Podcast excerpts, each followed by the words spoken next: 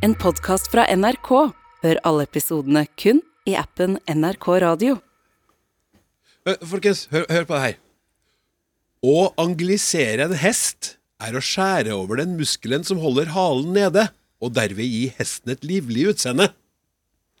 ja. Men det, det er bare å kålme ned, altså. Vi skal snakke om den andre formen for anglisering.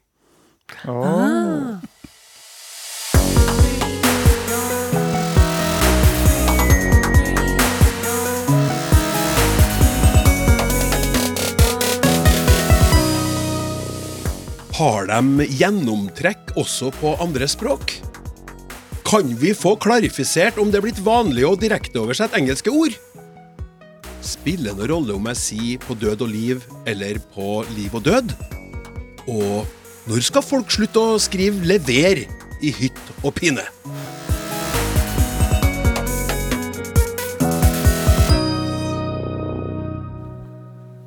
Så mange spørsmål som heldigvis skal få svar. På tampen av våren og ved inngangen til sommeren ønsker vi hjertelig velkommen til Språksnakk, programmet der du spør og ekspertene forklarer. Det er selvfølgelig også mulig å bare si sin mening om programmet, eller komme med en kommentar til noe språkforskerne har snakka om. Uansett, e-postadressen vår er snakk.krøllalfa.nrk.no, mens du kan sende en SMS til 1987 ved å bruke kodeordet 'snakk'. Vi har et, eh, et flott panel med oss også i dag. Det består av eh, Mikkel Ekeland Paulsen, Institutt for lingvistiske, litterære og estetiske studier ved Universitetet i Bergen. Velkommen. Tusen takk. Du er klar, du? Ja, ja. Ja, det. Ja, ja. Så har vi ved din side fra Senter for flerspråklighet ved Universitetet i Oslo, Tori Ropsal. Velkommen. Tusen takk. Og så har vi også med oss Anne Mette Sunde, Institutt for lærerutdanning ved NTNU. Velkommen til deg òg, Anne Mette. Takk skal du ha. Jeg fant en eh, litt artig ting eh, som sto om deg på forskning.no i 2019. Da høyskolelektor Anne Mette Sunde gikk på videregående, videregående skole i Kirkenes, var hun språkpurist. Hun skulle beskytte det norske språket mot utidig innblanding fra engelsk. Ja. Ja, hva sa, hva, hva sa du den gangen til forskning.no, husker du det? Du sa jo flere ting, men det var én ting du sa liksom som ble løfta opp i starten av saken. Da. Jeg skal hjelpe Nei, deg. Jeg skal ja, hjelpe hjelp deg. meg. Jeg ser litt annerledes på deg på i dag, står det. Ja, det gjør jeg nok. Skulle bare mangle etter Ja, så bare- mange år med nesa i boka om eh, språkkontakt og Ja. og ja. Og så er det jo litt bra at du gjør det, fordi det er jo derfor eh, du er her i dag. For å snakke om denne påvirkninga fra engelsk. ja, blant annet. Mhm. Så vi skal rett og slett gå i gang med et spørsmål til deg. Språksnakk med Klaus Sonstad. Hei! Her en dag fikk jeg en kommentar på en video på TikTok hvor noen eh, kommenterte at jeg sa 'klarifisere'. Jeg tenkte først at det var et vanlig ord, men måtte jo sjekke, og fant da ut at jeg rett og slett bare hadde fornors fornorsket 'clarify' uten å være klar over det. Det var litt flaut, så jeg har tatt meg selv i det etterpå, men jeg lurte på om dere vet om flere gjør det samme, eller om det bare er meg som har lagd mitt eh, eget lille ord. Hilsen Helene Wold fra Kristiansand. Ja, nå har jo vi et håp om at du skal kunne klarifisere det her for både Helene, lytteren, og oss i studio, da, Anne Mette. Jeg får prøve å klarifisere eller klargjøre det. Eh, og jeg er litt eh, usikker på om hun Helene spør om det er flere som sier 'klarifisere', eller om det er flere som lager sine egne ord. Eh, men vi kan jo svare på begge, vi. Ja, gjerne det. og vi kan starte med klarifisere. Og da er det sånn at det er mange verb eh, i norsk som slutter med leddet fisere eller ifisere. Det kommer vel litt an på eh, hvordan man analyserer det. Og det her leddet det er fra eh, latin, og det er avleda av verbet fakere, som jeg tror det uttales, eh, som betyr å gjøre.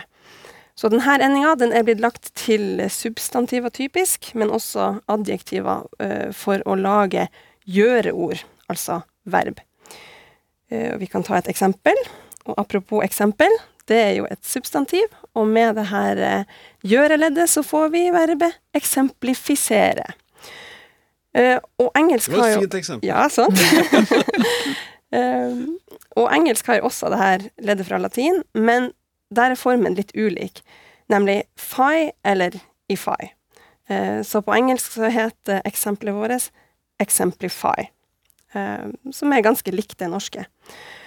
Eh, så det er altså sånn at det fins en del verb som er ganske lik på engelsk og norsk, der både eh, rota og det her gjøreleddet ligner i de to språkene. Vi tar litt eh, flere eksempler. Identify, identifisere. Qualify, kvalifisere. Eh, modify, modifisere. Og passify passifisere. Og så videre, og så videre, og så videre. Og når man har lært seg mange nok av sånne her eh, overlappende verb, så danner det seg et mønster for oss, som gjør at det er lett eh, å tenke at det fins en norsk versjon av hver av de engelske, eh, og motsatt. Så når engelsk har ordet 'clarify', så er veien kort å tenke at norsk sjølsagt har ordet 'klarifisere'. Og sånn kan man lage nye ord. Uh, det her kan vi også leke oss med å gjøre bevisst, men noen ganger skjer det også ubevisst. Og hun, Helene hun syns det var flaut, og det syns ikke jeg det er noen grunn til å synes. Og Helene er heller ikke den eneste som, som bruker klarifisere, altså. Og NAOB, som er Norsk Akademis ordbok, de har faktisk klarifisere som et av eksemplene sine på sånne fisereverb. Um, og det er ikke tatt opp i bokmålsordboka eller nynorskordboka enda, men um, Og jeg så at Språkrådet anbefalte på Twitter at man i skrift kanskje heller bør velge et mer uh, en mer norsk uttrykksmåte. Uh, men det er, det er like fullt i bruk i norsk, det er det ingen tvil om. Uh, Bare for å klargjøre det? Ja. så, så, det er faktisk ikke sikkert at Helene har lagd det sjøl. Det kan være at hun har hørt at noen har sagt det, eller at hun har lest det, og så har hun plukka det opp derifra. Mm. Det kan være. Og så hadde jeg lyst til å nevne et litt uh, lignende eksempel der det har uh, oppstått et nytt ord, kanskje fordi vi har fulgt et mønster. Og det gjelder ordet lokasjon. Mm -hmm. um, og sjon, det er da et annet suffiks fra latin. Uh, og det er blitt brukt for å lage substantiver av verb.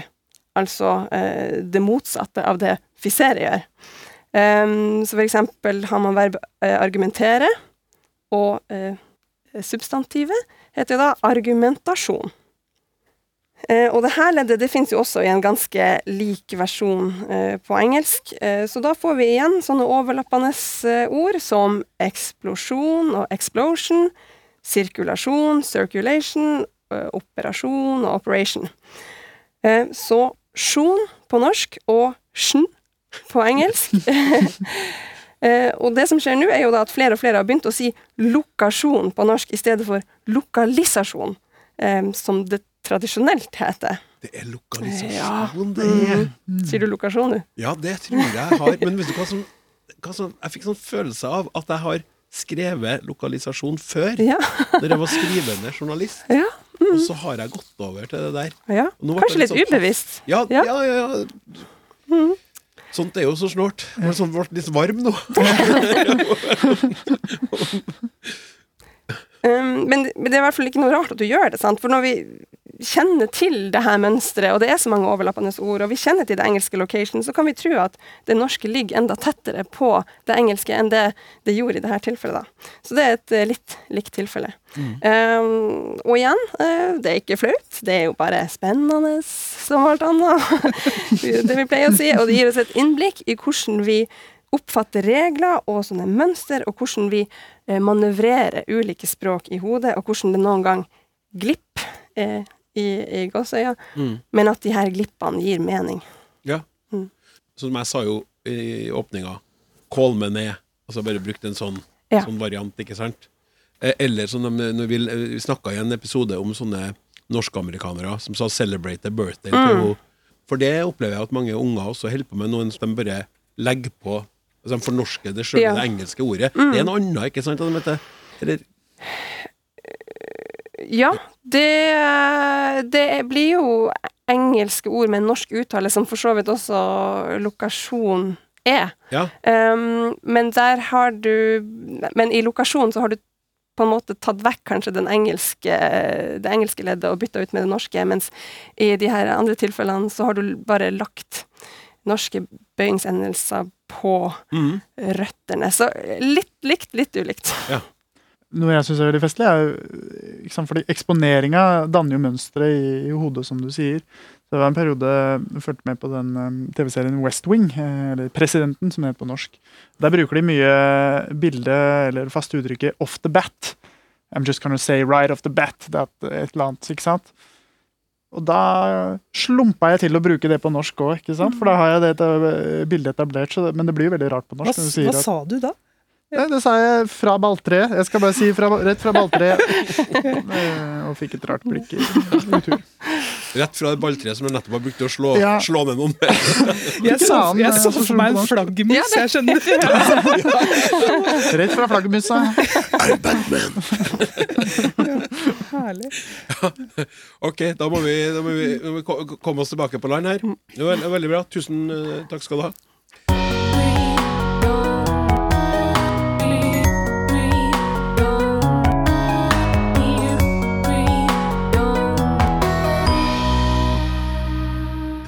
Vi tar et stort jump her nå. Det er et annet spørsmål. Jeg har lagt merke til at ordet forkant blir brukt i stor grad nå. Tidligere var det på forhånd som ble brukt. Hvor kommer denne endringa fra? Kanskje forkant er lettere å si og skrive? Vennlig hilsing Liv Torunn. Ja, eh, det er eh, skarpt observert. Eh, Jeg kan ikke slå fast noe endelig hvorfor dette skjer, men jeg skal forsøke å gi en forklaring. Først så kan jeg jo si at eh, observasjonen ser ut til å være rett. Eh, På forhånd er fortsatt i veldig mye bruk, eh, så jeg tror ikke det er noen grunn til å tro at det er på vei ut, at vi kommer til å slutte å bruke det. Eh, Men i forkant eh, øker eh, litt når du ser på statistikk, statistikk over tid, da. Så sammenligna med Men de har litt sånn arbeidsfordeling, da. Sammenligna med i forkant så ser det totalt ut som på forhånd brukes hyppigere enn i forkant i bøker, mens eh, forkant har passert forhånd i aviser. ja. Så avisene ligger i forkant, mens eh, bøkene de har vi på forhånd. Eh, men det er ikke helt rett å sammenligne forkant og forhånd sånn én mot én på denne måten. Fordi i forkant har flere bruksområder enn på forhånd. På forhånd brukes egentlig bare i én kontekst, synonymt med i forveien. Altså det brukes bare som tidsadverbial. Eh, gi beskjed på forhånd. Man kan ikke si 'gi beskjed på forhånd av reisen'. Eh, Så det, det fungerer ikke i sånne preposisjonsfraser, da. Eh, Men i forkant, derimot, fungerer i begge tilfeller. Man kan gi beskjed i forkant, men man kan også gi beskjed i forkant av reisen. Eh, Så derfor så har forkant flere eh, syntaktiske kontekster da, hvor det kan dukke opp. Eh, Og dessuten så kan man også bruke i forkant med sånn generisk referanse. Det gjelder å være i forkant. Mhm. Det gjelder å ligge litt i forkant. Eh, man kan ikke si det samme med på forhånd. Man kan ikke si at det gjelder å være på forhånd. Det er i hvert fall, Jeg syns det skurrer litt mer hos meg, da. Mm. Og hvis vi da samarbeider bare den, eh, det bruksområdet der du har både på forhånd og i forkant, så er på forhånd fremdeles størst, da. Eh, mens eh, totalt sett så er i forkant eh, i forkant. Og så er det hvorfor er øker forkant? I tillegg til at det har flere bruksområder enn på forhånd, så tror jeg også at det har noe med at det i forkant inngår i et ganske sånn fint og logisk system. Sånn tidsmessig så har du forkant og etterkant. De står veldig fint til hverandre. Du er i forkant av et arrangement, og du er i etterkant av et arrangement. Og så kan du også bruke det posisjonsmessig, for å at sier at noen står i forkant av et hus, f.eks. Mhm. Og der har du også bakkant, overkant og underkant. Så dette kant-etterleddet, det, det ser ut til å være produktivt, som vi sier. Da. Vi kan bruke det med forskjellige posisjoner og sette ulike da, preposisjoner foran. Det samme kan ikke sies med på forhånd. Altså, vi har jo i etterhånd, men den ser ut til å ha mer eller mindre gått ut. Altså, den er veldig sjelden. Høres litt mer arkaisk ut. Ja, litt mer arkaisk. At ja. uh, nå, Du kan jo si nå i etterhånd, så tenker jeg litt annerledes, men der er uh, i ettertid og i etterkant mye mer vanlig, da. Så Ja. der ser det ut til at de regjerer på det, innenfor det domenet. Så i forkant uh, vinner frem, og jeg tror det er eh, litt av de forskjellige grunnene her. Men det ser jo ut til, altså vi har jo også dette uttrykket i forveien, så det ser ut til at vi har grunnlag for å ha flere uttrykk som uttrykker det samme her. Så på forhånd skal nok overleve det òg. Men Hva er det med dykkene eh, forhånd eller forkant, eh, sånn som jeg kikker rundt meg her nå i studio? Jeg er nok en forkantperson. Ja. Ja, jeg tror det. Veldig bra. Toril? Under hånden er jeg nok også en forkantperson. Men eh, Under hånden. Bare det ikke tar helt overhånd. Så. Men Hadde du forberedt deg på det svaret på forhånd, eller? Nei, jeg hadde ikke det. Og når jeg nå tenker meg om, må heller svare litt mer eh, Jeg, jeg tror jeg ville foretrekke på forhånd. Ja. Ja. Eh, Kanskje jeg er litt eldre. Mm. Det var ikke det jeg tenkte på, men sånn som, du- sånn som du eh, formulerer deg, sånn, så tenkte jeg på forhånd, uten at jeg kjenner deg kjempegodt. Så Men nå i bakkant, så nå angrer du deg når jeg sa det. Nei, det blir forkant likevel. For det gjelder jo å ligge i Forkant. forkant. Ja. Tusen hjertelig takk.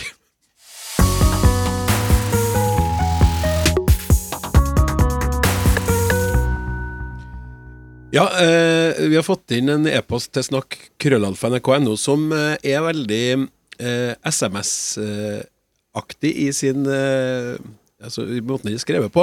Den kom også da eh, via e-postkassa vår eh, fra en telefon. For det står her, skal jeg prøve å lese som best jeg kan. Jeg advarer lytteren mot sterke scener. Jeg er ikke god på den dialekten. God dag. Her i Sandnes kan vi si Har ikke sett hyren, hyren til han. Ordet hyren, hva er opphavet til det? Er det det samme som i de maritima? Det maritima fikk seg hyre, eller hyra var 1000 kroner. Kjekt å høre på dere! Med vennlig hilsen Martin Kristian Lea. Nå må jeg bare understreke før dere eh, søler mer kaffe på dere sjøl, at det står altså for eksempel har ikke sitt hyren til an. Ordet står med ORE. Hyren, hva er opphavet til det? Det er sånn skrevet sånn fort, og så var det veldig artig å lese det sånn, men det var sikkert helt galt. Poenget er uansett Hyra, hyra, hyre. Toril, vær så god. Takk! Ja, er dette her eh, det maritime hyre? Nei! Og det er deilig å kunne svare nei, eh, fordi dette substantivet hyre i den maritime verden, det er jo noe som handler om arbeid og tjeneste om bord på et fartøy. Eh, og det er også brukt i betydningen lønn, sånn som eh, vår, vår mann Martin i Sandnes eh, hyre var 1000 kroner. Eh, og så bruker vi det også overført, eh, for så vidt inne, men også utafor det maritime, der vi har vår fulle hyre med å holde rede på betydningene av ulike ord, f.eks. Da har vi hendene fulle, og vi, det er ikke rom for å gjøre så veldig mye annet akkurat da, hvis du har din fulle hyre. Uh, verbet hyre, også refleksivt, å hyre seg ut til tur, det kan man bruke. Men den betydningen tror jeg vi kjenner bedre fra et hyr, som i oljehyre, f.eks. Begynte å spørre deg om det. Mhm. Ja. uh, Og da vandrer vi litt sånn velkledd over i det maritime igjen. Og så har vi et gammelt verb som betyr nettopp det å ta på seg og utruste seg med klær eh, som hyre. Men det er ikke verbenes verden vi er i her. Og vi er heller ikke i nøytrumsubstantivenes verden. Altså dette verden! For en deilig verden! Eh, Det er ikke ett hyr. Her er det rett og slett én hyr. En hyr. En hyr, ja. og denne hyren finner vi eh, i selveste nynorskordboka, f.eks., med betydningen minste spor, glimt eller merke. Og norsk ordbok har eh, heimfesta dette, passende nok til Sørvest- og Vestlandet. Eh, Sandnes passer godt inn.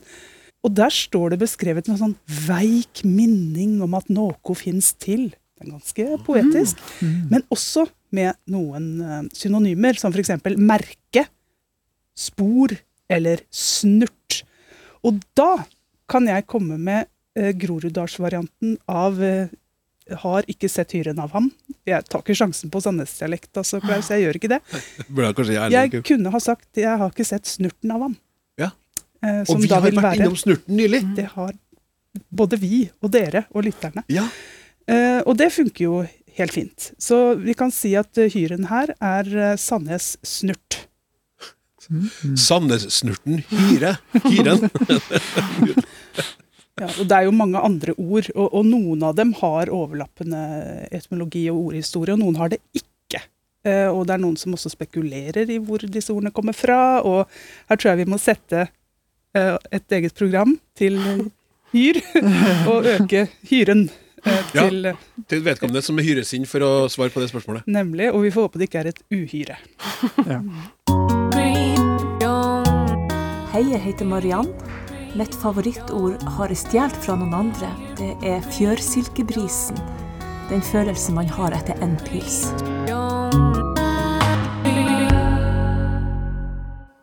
Fjørsilkebrisen. Smak på det ordet. Det er jo det er sommer, det. Gjennomtrekk kan være godt på en varm sommerdag og lite gunstig vinterstid, men selve ordet finnes det på andre språk? Svaret på det får du ganske snart, men først skal vi se på noen tilbakemeldinger på ordet bolse, som vi snakka om for eh, noen uker siden. Mora mi, som kom fra ei bygd utenfor Mosjøen, sa hun, de skulle ut og bolse når de finkledde seg for å dra til byen, altså Mosjøen. Da skulle de handle, gå på kafé og treffe kjentfolk. God hilsen Ingvild Sunde. Hei, vi har et begrep som kalles bolsekonto, som er en bankkonto med penger som man kan bruke til hva man vil. Det vil si, har du noe til overs eh, du ikke bruker til faste utgifter eh, igjen på lønnskontoen når neste lønn kommer, så flyttes det over på bolsekontoen. De pengene kan du bruke til hva du vil, uten å få dårlig samvittighet. Rita Hellesvik, Tromsø. Apropos balls i dagens program, eller eh, bolse. I noen år mens jeg ennå var ung, bodde jeg i et engelsktalende land. Et uttrykk som sikkert må regnes som slang, var verbet to balls. Oh, he ballsed it! Forsto jeg etter hvert betød vel, han ødela det, oftest i ikke-materiell betydning. Hilsen Øyvind Yri. Og til slutt, hei! Ordet balls kjenner jeg godt fra både Nordland og Troms, særlig fra Lofoten, og der betydningen er skufte, sluntre unna etc. Mange ord i de nevnte områdene har ord særlig som gjelder arbeidssituasjoner. De kommer fra rallerne, og da med opprinnelse fra Sverige. Kan det tenkes at bols, bolse kommer fra svensk, undrer eh, Harald Sund. Vel, det får ikke svar på akkurat nå, men du skal ha takk for innspillet, Harald.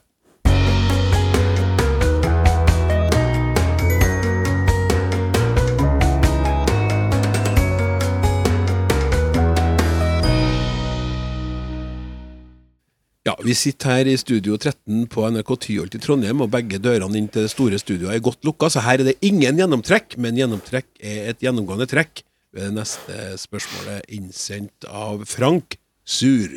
Hei! På norsk har vi ordet gjennomtrekk, som eh, presis beskriver luftdraget en oppnår i et hus med å åpne to vinduer eller dører i hver sin ende en varm sommerdag. Dette har selvsagt sitt opphav i en tid før aircondition fantes. Men det som forbauser meg, er at dette min ringe forskning ikke finnes på andre språk. Mine australske bekjente kjenner selvsagt fenomenet, varmt som det er down under, men hadde ikke et egnet ord for det. På engelsk har vi draft, men det er ikke presist på dette fenomenet. Jenny, som bodde noen eh, år i Norge, laga begrepet truple, som slekta tok i bruk. Jenny har doktorgrad i språk, så hun kjenner sitt engelsk. Kan panelet si noe om dette? Jeg mener å ha lest gjennomtrekk, gjennomtrekk, i en dansk utgave av Karen Bliksens Midt-Afrika, så danskene har det nok. Vennlig hilsen, da, denne Frank Sor. Vær så god, Mikkel. Ja, det skal jeg forsøke å gjøre. Eh, Det vi kan si her, da, det er at gjennomtrekk som fenomen, det er leksikalisert i norsk. Når vi skal snakke om det fenomenet, at det blåser gjennom et hus, så eh, velger vi de aller fleste ganger å eh, benevne det med gjennomtrekk. Så vi kan si at eh, gjennomtrekk er onomasologisk foretrukket for dette fenomenet. Der fikk du et fremmedord. Ja, så fint. Ja. Eh, Hvilke fenomener som er leksikalisert i ulike språk, det er det. Eh, Det er jo mye overlapp der, selvfølgelig, men det er litt noen små ulikheter i det. da. Eh, Og det kan jo være frustrerende ikke sant? når du skal, skal gjøre deg forstått på et annet språk. For vi ønsker jo gjerne å være i stand til å uttrykke det samme på norsk og engelsk. I hvert fall hvis vi er nordmenn, da er vi opptatt av gjennomtrekk, ikke sant? fordi det snakker vi om hjemme. Og det fins flere nivåer til det her også. Uh, altså Du kan si at det er frustrerende at ikke gjennomtrekk-ordet fins på engelsk, men det er også noe med hva slags konnotasjoner vi har til ulike fenomener, at de også kan være vanskelig overførbare til andre språk. For eksempel, så- og trekk er faktisk et, eh, et eksempel på det, tror jeg, da. Eh, For i hvert fall så opplever jeg ganske ofte at folk vitser og tuller litt om den skumle trekken. At eh, å ja, det, å, nå passer deg for trekken, vet du. Og da, der er det flere lag med konnotasjoner. Altså der, det som ligger bak den der tullinga der, det tror jeg handler om liksom tidligere generasjoner som maser om at du må ikke sitte i trekken, for da Mm. blir du sjuk, ikke sant? Mm. Det Eh, trekker sånn. Det trekker sånn. Ja, det trekker sånn. Uff, ikke sant? Altså, du ser for deg et litt sånn gammelt menneske som sitter og uroer seg, ikke sant? for nå kommer halsbetennelsen snikende med en gang. Og jeg er litt usikker på om det ville være vellykket å snakke om the scary draught. Eller the scary draft. Oh, the scary draft. Jeg er litt usikker på om en engelskmann ville forstått hva vi drev med da. Så der eh, faller jo konnotasjonen igjennom.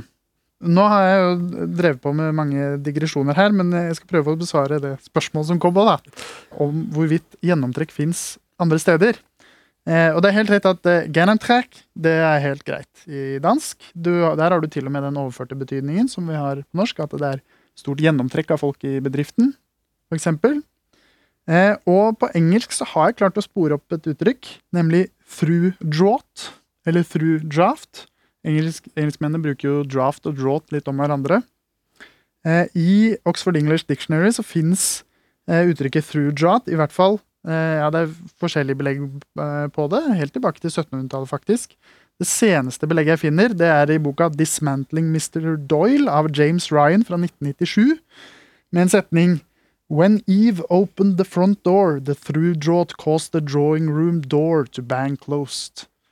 Og det er mer typisk gjennomtrekk enn det får du ikke. At Du det er, ikke det. At det er en rom som At det er en dør som! Ikke sant? Gjennomtrekk med dørsmell. Ja, det er det mest typiske gjennomtrekken, spør du meg. altså. Ja. Så de har det på engelsk òg, men hvor det er jo tydeligvis ikke så, så kjent. da, Og det, er, det, det through draught er nok ganske sjeldent i bruk. Og så er jeg så imponert over dere, for at dere draught Det synes jeg er veldig vanskelig. Jeg har gått rett på draft. Ja, det, det draught, det, det, det, Da ble det vanskelig i, i min trønderske munn. True draft. True draft. og det, Draught. Kunsten er å prøve å ikke uttale denne G-en, H-en og T-en på slutten. True draft. Ja, T-en må du kanskje ha med. Men Ja, ja. true draft, da. Ja. Så bra. Eh, Men du har ikke sjekka Ja. Men vet du om de snakker om gjennomtrekk på engelsk, bare at de bruker andre ord? da? For at gjennomtrekk fins jo også utafor Norge og Danmark. ja, jeg skulle jo tro det. Nei, jeg vet ikke hva de gjør. De kan hende de bare snakker om draft, eller Close the window. Close the window to avoid a true draft. Det spørsmålet får jo gå tilbake, da. Ja. Hva, med, hva med Du har ikke sjekka fransk, eh, tysk, eh, kantokinesisk Nei, jeg gikk ikke så langt. Men uh, der kan vi jo spørre våre lyttere, da. Så kan det komme med innspill. Det er jo sikkert uh, mange språk, språkbakgrunner eh, der ute. som Ja, kan, absolutt. Uh, gi oss beskjed om dette. Snakk krøllaffen.no, eller snakk til 1987. Eh, Toril satt Ja, nei, jeg satt og på lurte på om det fantes fortellinger om den skumle trekken også på andre språk og i andre, eh, ja, andre land. Ja. For der er jo min favoritthistorie er jo den, altså Det blir vel nå et par generasjoner bakover hvor man satt og røkte i bilen. Men man kunne ikke rulle ned ruta, fordi det, da ble det jo trekk. Ja, ja, ja, eh, Trekken er verre enn sigarettrøyken. Altså, Det. Og det, det som er, når jeg flirer nå, så kjenner jeg at jeg flirer et sånn dobbelt flir. Fordi at jeg kjenner meg igjen òg, og det er da litt sånn dobbelt å kjenne seg igjen, for da er man såpass gammel. Og jeg for jeg har, jeg har vært baki sånn bil der det ble røyka, og vi ikke hadde opp vinduet pga. trekken. Så vi var ganske grønne i trynet, alle vi barna baki da vi kom fram. Men her sitter jeg nå. Grønn i ansiktet, men dere ble ikke forkjøla. Nei, ble ikke forkjøla i det hele tatt. Og Bank i bordet. Ja, takk skal du ha, Mikkel. Vi fosser videre.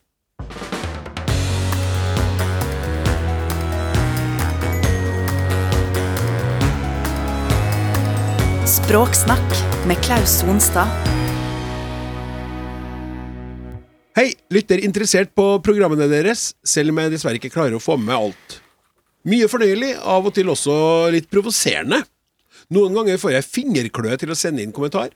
Det er det visst muligheter for. Ja visst er det det, Astrid Marie. Du gjør det jo nå. Nå har jeg lyst til å slenge meg på noe som ble tatt opp sist søndag. Det var her var da 2. april. Chili, chili. Ja, den lyden er ikke så grei, men som jeg tror det ble sagt, kommer meningen klart fram ut fra sammenhengen. Noe jeg imidlertid stusser veldig over, er bokstaven V, og hvordan den, av en meget høy prosent nordmenn, uttales i engelske ord og navn. Det blir liksom mer engelsk-amerikansk hvis man uttaler den som en eh, sånn U, U, sant? W, W. U, ja. Jo. Vu, vu, vu. L eksempler. Love blir love. Filmen Love Actually blir da lav, faktisk. Ja, lav, faktisk. Ja, det trodde jeg det var, det var oversatt. Det trodde jeg var, ja. Uh, uh, wheel, eller vi, eh, Nå sliter jeg jo her, for jeg, jo, jeg blir jo litt truffet av denne innsenderen sjøl. Det Wheel blir wheel. Kelneren på restaurant i London vil nok stusse når gjesten bestiller et hjul eller et dekk. I heard it through the grape wine, et uttrykk som tilsvarer ryktebørsen på norsk. Uttaler man det som grape wine, får jo meningen en pikant variasjon. Eller når kirkekoret synger The Wales, Wales eh, Gammelt uttrykk for dalene rejoice, er det rett og slett ikke snakk om The Wales rejoice. Hvalene som jubler. Her ligger det absolutt godt til rette for diverse misforståelser. Løsningen er såre enkel. V uttales likt på begge språk. Bit deg i leppa, sa en lærer en gang til klassen. Så gjør det! Jeg Astrid Marie. V, v. Merka jo når jeg skulle øve meg her, det, det gjør jeg litt lite. Det blir mye Wales, da. Mm. Ja. Ja. Så du, ja, du sa du følte deg truffet. Ja, absolutt. Jeg strevde jo litt. Selv om jeg har øvd meg litt på Ja. forhånd, så ble det rotete lell. Men løsninga var veldig enkel, sa hun. Var den enkel for deg?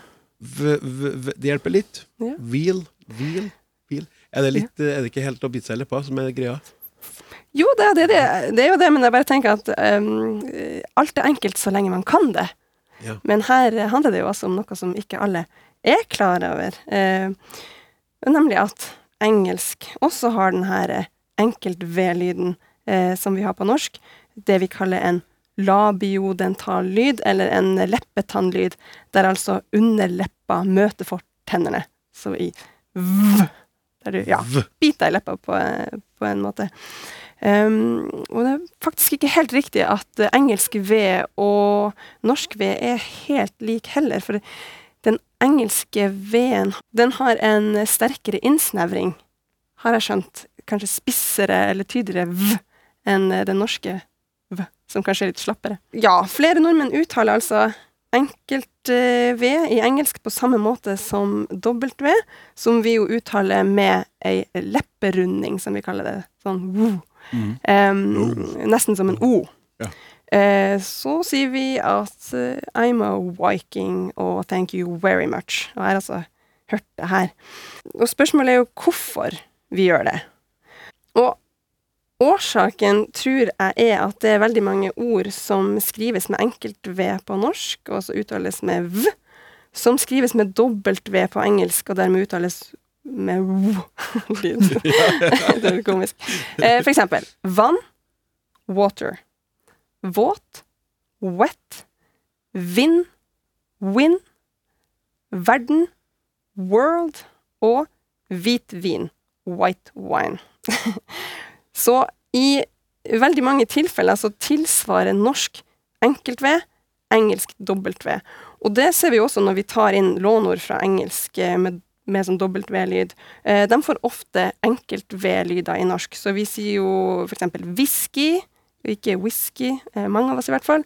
Og WC og westernfilmer og eh, web og wifi. Eh, selv om noen kanskje også sier eh, web og wifi. Og det her er jo da et lite utvalg av mange eksempler, eh, og det her må vi også da si at representerer et mønster. Enkeltvedlyden i norsk ofte tilsvarer dobbeltvedlyden i engelsk, og motsatt. Og så skjer det da at det her mønsteret blir an anvendt for hvitt. eh, og altså at vi uttaler ord som på engelsk har enkeltvedlyd med en dobbeltvedlyd. Så vi sier victory istedenfor victory. Eh, Så det igjen en mønster som vi oppfatter, og som vi bruker, og det er ikke så rart at det skjer.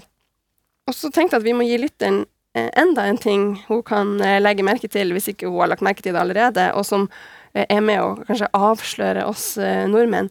Og det er at en del av oss, eh, og meg sjøl inkludert, ikke skiller mellom stemt og ustemt S-lyd i engelsk. Eh, Så vi har damenavnet Sue med en ustemt S-lyd. Og så har vi det engelske ordet for dyrehage, zoo. og eh, jeg begynner å flire, for at em, jeg skiller ikke mellom det her sjøl. så her føler jeg meg litt truffet, da. Men du, du, nå gjorde du jo det. Det var tydelig forskjell. Ja, ikke sant? For ø, s og z Mm. ja. Det uttales på samme sted i munnen og på samme måte, men det, den eneste forskjellen er at s er ustemt, og z, da, ø, den er stemt, og da vibrerer stemmeleppene. Ja. Men det er jo da mange som ikke er klar over at man opererer med et sånt skille ø, på engelsk. Ehm, Det må jo bli litt komisk ja. for en engelsk, som, eh, engelsk mann eller kvinne eller midt imellom som hører på oss eh, snakke innimellom, da, hvis vi er upresise her, og The Wales og Ja. The Wales Rejoice og Og som we regel, went, altså we went to the zoo. Ja. to, to the zoo. Eh, og som regel så går det veldig fint å forstå hva personen mener, for vi har jo konteksten som vi tolker språkbruken ut fra. Men eh, man kan nok avsløres som en eh, ja, andrespråksbrukere, eller i hvert fall ikke morsmålsbrukere av, av, av engelsk.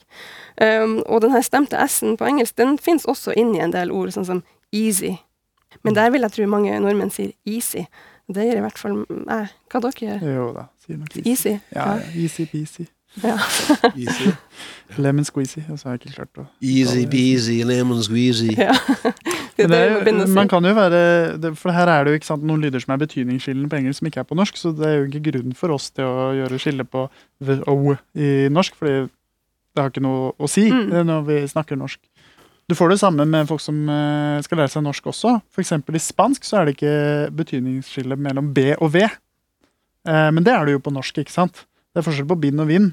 Så det kan man jo legge merke til, da, at eh, folk eh, som har spansk som morsmål, kan, kan rote litt med det. Og det vil jo være akkurat det samme som vår roting med eh, z og z. Og det er litt morsomt. Ja, det, det er også litt morsomt. Om det er lov å si det er lov. Ja, ja. Det er jo litt Engelskmennene ler av oss, og vi ler av spanjolene, og sånn eh, Ja, for, holder det også, men så lenge man ler på den riktige måten og med litt varme og sånn, og, det, og du snakker så godt norsk, og det skal du ha, men det er veldig artig når du sier at du skal ha en flaske bin. Ja. Og så det, igjen, det er ikke så rart at det skjer, sant? for at, uh, hvis man ikke har vokst opp med at det her er en betydningsskillende lyd, så uh, er det litt vanskelig også etter hvert å, å høre at det er en forskjell. Og da er det også vanskeligere å, å automatisere det skillet i voksen alder. Sant? Eh, men jeg skal jobbe for å få inn den der s- Jeg skal jobbe for å få inn den. V-en. Og så jeg må bare avslutte med å si at eh, dersom det er noen her som skulle synes at det her er veldig irriterende og ikke sjarmerende, eh, så er det en liten trøst at det trolig er færre og færre som eh, kommer til å si easy og viking i fremtida, fordi at vi lærer jo engelsk tidligere og bedre eh, nå enn før. Eh, og vi er ja, mye tettere på språket. Eh, og det tror jeg vi kommer til å høre på uttalen også framover. Så det er liksom det jeg ser når jeg ser inn i spåkula mi på kontoret. Very good. Thank you very much. Hei, eh, jeg heter Ketil, og mitt favorittord er herlig. Det er positivt, det er engasjerende. Det er rett og slett herlig.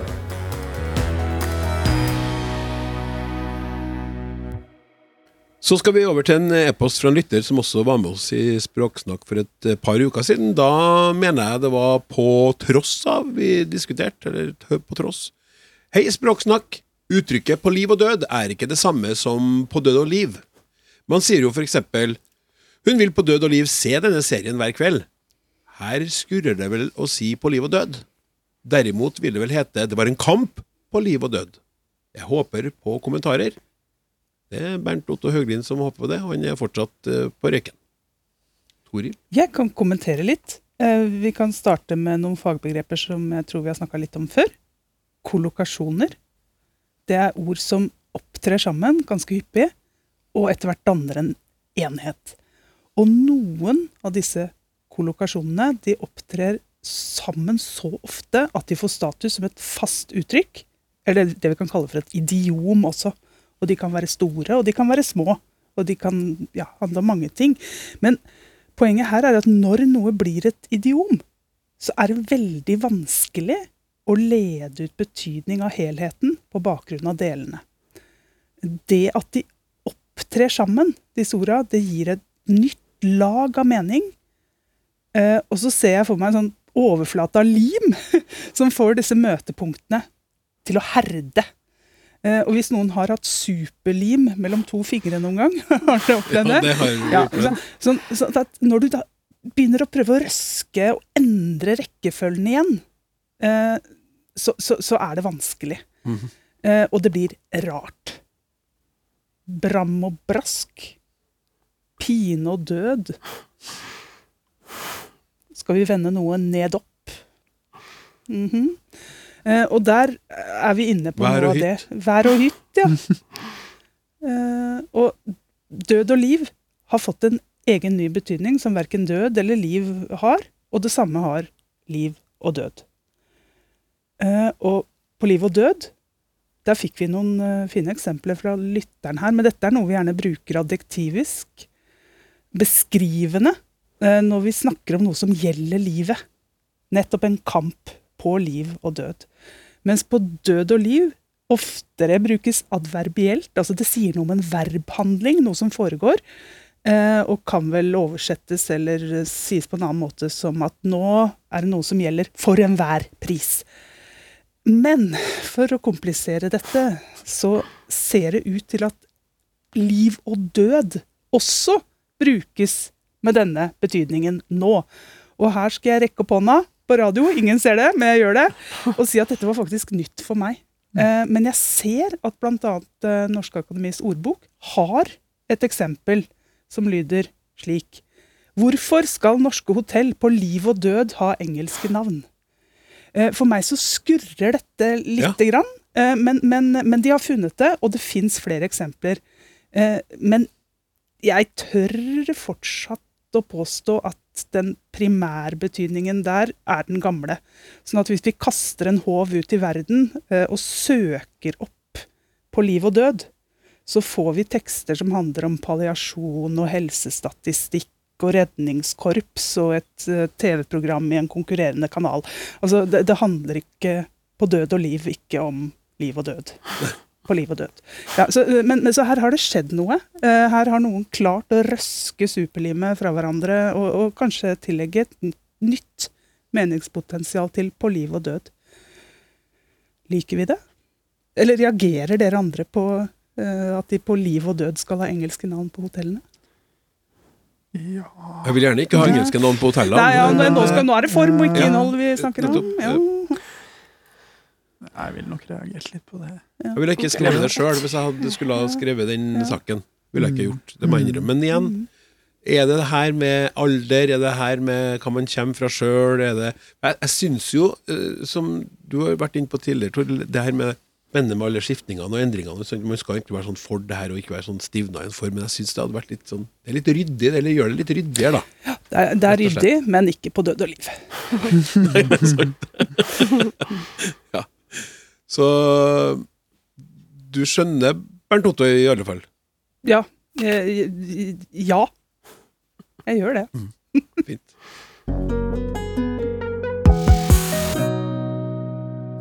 Og så blir hytt og pine Pine og hytt.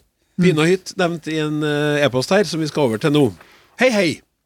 Kan De være så snill å be folk slutte å skrive dette 'levere' i hytt og pine? Jeg liker ikke å lese på Facebook eller andre steder at Hardangervidda leverer, Sognefjellet leverer. Har de bestilt noe de har krav på? Hva tid og hvordan kom dette usympatiske uttrykket inn i språket vårt? Å ja, folk flest tenker kanskje ikke hvorfor de bruker det. Håper det snart forsvinner. Hilsing fra Karin. Ja, det er klar tale, i hvert fall. Ja, det er klar beskjed. Kan du klare å levere et uh, svar her nå, Mette, som uh, både vi og Karin og lytteren vil, uh, ellers, lytterne ellers vil kose seg med? Ja, jeg får prøve å levere her. Klar beskjed, ja. Dette uttrykket må bort. Eh, og jeg er litt usikker på om vi klarer å hjelpe Karin med akkurat det. Um, men kanskje vi kan hjelpe henne med å bli kvitt noe av den irritasjonen hun kjenner på ved å prate litt om det. For det jo, uh, kan være godt å prate om ting. Og jeg er jo enig i at det er et litt rart uttrykk, eh, og det første som slår meg, er jo her at levere brukes uten objekt. Eh, For som regel så bruker vi jo det her verbet med objekt, både indirekte og direkte objekt. Så vi sier f.eks. at 'jeg leverte deg en pakke'. Eh, og her brukes det jo å levere om å bringe noe til noen, eller å overrekke noe. Men så kan jo levere også brukes i noen andre betydninger, uh, f.eks. å produsere, eller prestere og yte. Um, man kan levere kraft, f.eks. i kraftforsyning, eller man kan levere en innsats. Så det er litt annen betydning. I Norsk Akademis ordbok så står det også oppført ei, ei annen betydning som er litt lik, eh, og det er nemlig å innfri, eller å gjøre jobben sin. Så når noe innfrir forventningene våre, eller kanskje forhåpningene våre, så kan vi altså finne på å uttrykke det her ved å si at det eller dem som gjorde det, leverte. Og da får vi sånne uttrykk som at påskefjellet leverte, eller sommerferien leverer, eller eh, bandet leverte i går. Ja, men jeg tenker der Kan det være at det er en slags forenkling? Sa vi ikke 'levere varene' før? Litt sånn, altså Bandet leverte varene, altså. Det er, Ja. er, er, det i hvert fall det som jeg Leverte på husker. bestillinga Ja, levert på bestillinga. Altså, Mm. det er snakk om å levere varene! For ei forestilling! Og så har man bare kutta ut disse varene. Ja, det, det kan være det, og det er vel et uttrykk ja, Jeg er ikke helt sikker, men jeg har hørt at det er noe vi har lånt inn fra engelsk. Det skulle ikke forundre meg. Nei. Um, så ja, det kan, det kan være at det er varene som er underforstått her, men det kan også være et annet underforstått objekt, f.eks. at eh, påskefjellet leverte godt vær, eller god stemning. Det kan være. Mm. Men ja, det er, det er i hvert fall noe uten objekt her, og uh, i en litt annen betydning enn den her uh, enn den betydninga vi bruker si, oftest, vil jeg tro. Innsenderen syns at det her uttrykket er usympatisk fordi vi ikke kan kreve noe fra fjellet, um, eksempel. Og det uh, kan jo virke som at irritasjonen over det her uttrykket skyldes at det oppleves som meningsløst eller ulogisk. Eh, og det er mange som kan irritere seg over eh, ulogiske eh, trekk i språket. Og av og til, når jeg er interessert i hva folk mener om ord og uttrykk, så tar jeg turen til Språkspalta, som er ei gruppe på Facebook med mange språkinteresserte mennesker som elsker å diskutere språk. Og der var det noen som hadde diskutert det her uttrykket, og som mente at bruken av det har økt. Ja. Og at det kanskje kunne kobles til ei sånn kommersialisering av samfunnet og en sånn markedsføringssjargong. Og det syns jeg var en litt uh, artig tanke. At uh, nå skal alle og alt levere. Jeg tror litt på den, jeg også. fordi at nå prøvde jeg å oversette. og Det er liksom de typer tekster der dette dukker opp også. Eh, det er noe annet med Sognefjorden innfrir de forventningene du måtte ha til en utmerket ferie, kontra Sognefjorden leverer. Ja. Eh, det er noe økonomisk der òg, kanskje. Ja, det kan godt være. Ja, Vi ser det jo i arbeidshemning òg, at det gjelder å selge inn seg sjøl og Ja. levere på de kravene du får fra arbeidsgiver. Mm. Og flere har jo begynt å kalle altså det også at eh, fjellet, høyfjellet er et produkt. Mm. Mm, ja. Vi har et fantastisk produkt her i Norge Mm. Som vi kan by eh, utenlandske turister på. Mm, og Som kommer bør fra eh, Mellom-Europa og Mm. kommer opp hit. Og vi har eh, ja, det produktet ene som norsk natur og høyfjellet. Og helt fantastisk. Og det leverer jo nesten Ja. alltid på toppnivå. Ja, det bør levere, ja. Ja. nei, det kan være noe i det. Jeg syns det var en interessant kommentar, i hvert fall. Så språkspalta, den, der er det, det er mye gull. Og så var det flere som syntes at det var et eh, forslitt uttrykk. Eh, og det er jo en annen ting som mange kan irritere seg over. Sånne eh, språklige trender som bare sprer seg kjempefort og plutselig overalt. F.eks. på Facebook. Um, og jeg er ikke immun mot sånn uh, irritasjon sjøl, eller Ja, så det er veldig vanlig og veldig menneskelig å irritere seg over språkbruk av ulike grunner, Uh, men språket er veldig ofte ulogisk, og trender kommer og går, også i språket, og sånn er det bare. Uh, og jeg er redd at vi ikke kommer så langt med noen sånne formaninger om eh, hvordan språket burde eller ikke burde være. Det som da gir økt sjelefred, det er om vi heller kan prøve å bare observere hvordan språket faktisk er, og hvordan uttrykk som det her fungerer. Og så kan man jo av det få litt nye innsikter. Ja, Det, det tror jeg også, tror jeg det er også viktig å prøve å sjøl bidra med andre formuleringer. Etter hvert som folk driver og pumper ut sånne ting som leverer, eller har bilder av tærne sine på stranda og sånn, så merker man at responsen dabber litt av, og Ja, ja. Så, så det dør litt ut. ja da. Men Det er jo frustrerende den tida det tar, men så kommer det nye ting. Men man kan i hvert fall gjøre en innsats sjøl. Ja, Ja, Det der syns jeg er helt umulig. Eh, altså Det er jo noen servere som går varme i påsken, selvfølgelig. fordi at vi skal jo kommunisere til omverdenen at vi har det fint på påskefjellet. I hvert fall når sola skinner. Og da, er det jo, da må du ta et fint bilde, da, men du må jo også skrive noe. Det kan ikke bare være et fint bilde av et fjell. Hva skal du skrive? Er ikke feil, eller Nei, dette var innafor, eller dette leverte. Eh, Ofte ender jeg bare opp med å ikke sende det i det hele tatt. Tenker at det er like greit. Det er er jo så interessant òg, Mikkel, at før så kunne vi liksom bare poste et bilde, ja. og så var det et sånt flott bilde, så skjønte folk greia. Å! Han er på fjellet og koser seg. Se hvor fint vær de har! Ja, ja. Skulle man skrive det, men nå må man liksom legge på noe. Og vi må skrive en liten tekst. Maken til sol Ja. i dag! Igjen! ok, nei, jeg syns du leverte bra her, eh, Anne Mette. Takk skal Ja. du ha.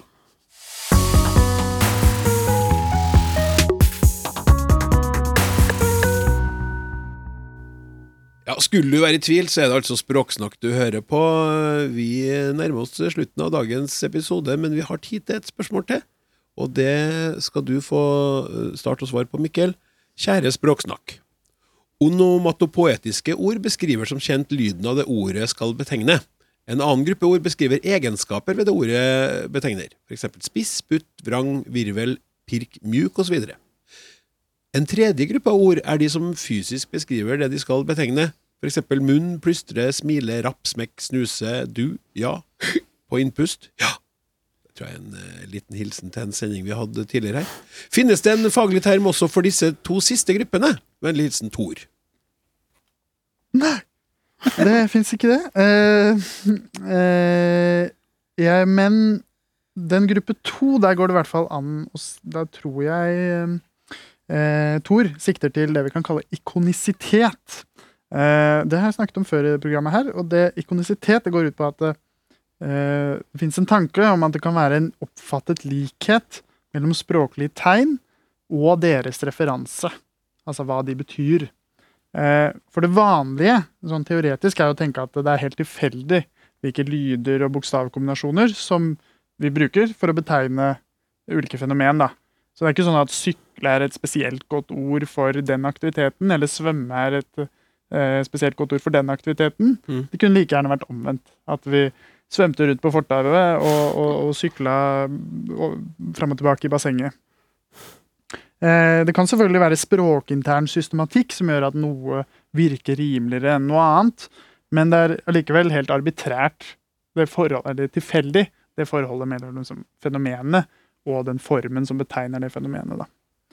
Eh, eh, men og, og eh, en ekstra grunn til at vi vet at det er sånn, er at noen ganger så kan du ha ganske flotte ord for ganske eh, usle fenomener, som for, som for eksempel eh, flatulens. Et altfor flott ord for det det betegner. Ja. Ja. Eh, Du må kanskje si hva det betegner? ja, litt sånn uh, luft i magen yep. uh, som kommer uh, ut rektalt. Um, Trekk! Trekk. Draft from old body. ja. Så det jeg oppfatter at uh, Mitt spørsmål til Tore er at han oppfatter f.eks. ordet spiss som litt spist. Uh, og da kan vi jo si at ja, uttale S gir jo en litt høyfrekvent lyd, ikke sant? Det er en ganske sterk innsnevring uh, når vi uttaler det.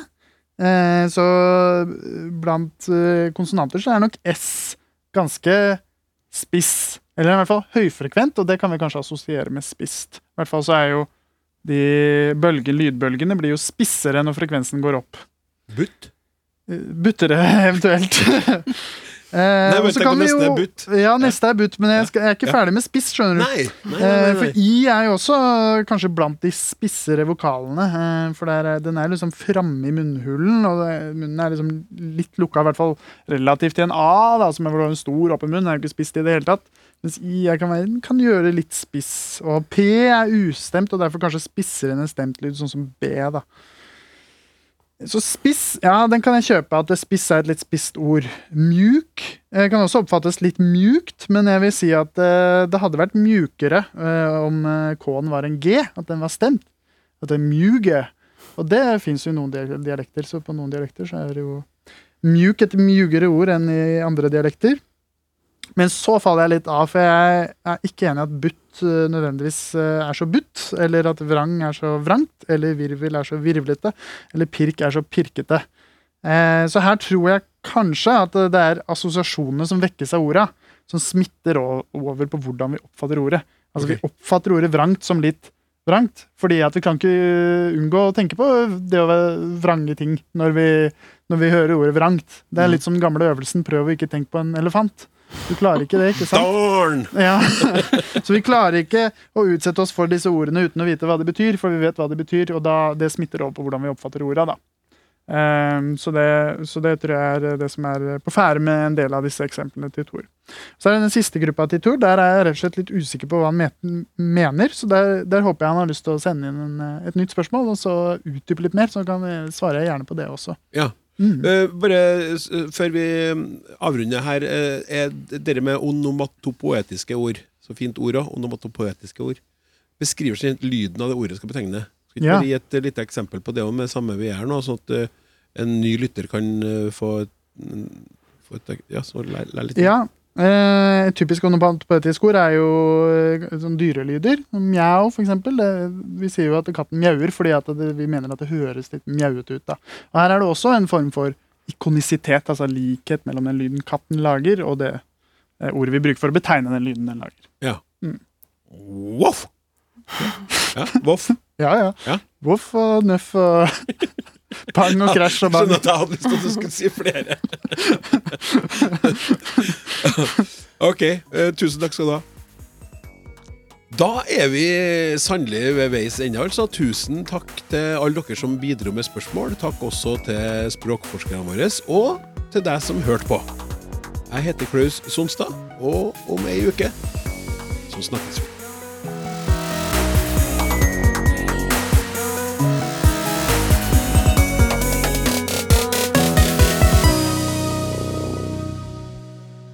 Du har hørt en podkast fra NRK. Hør alle episodene kun i appen NRK Radio.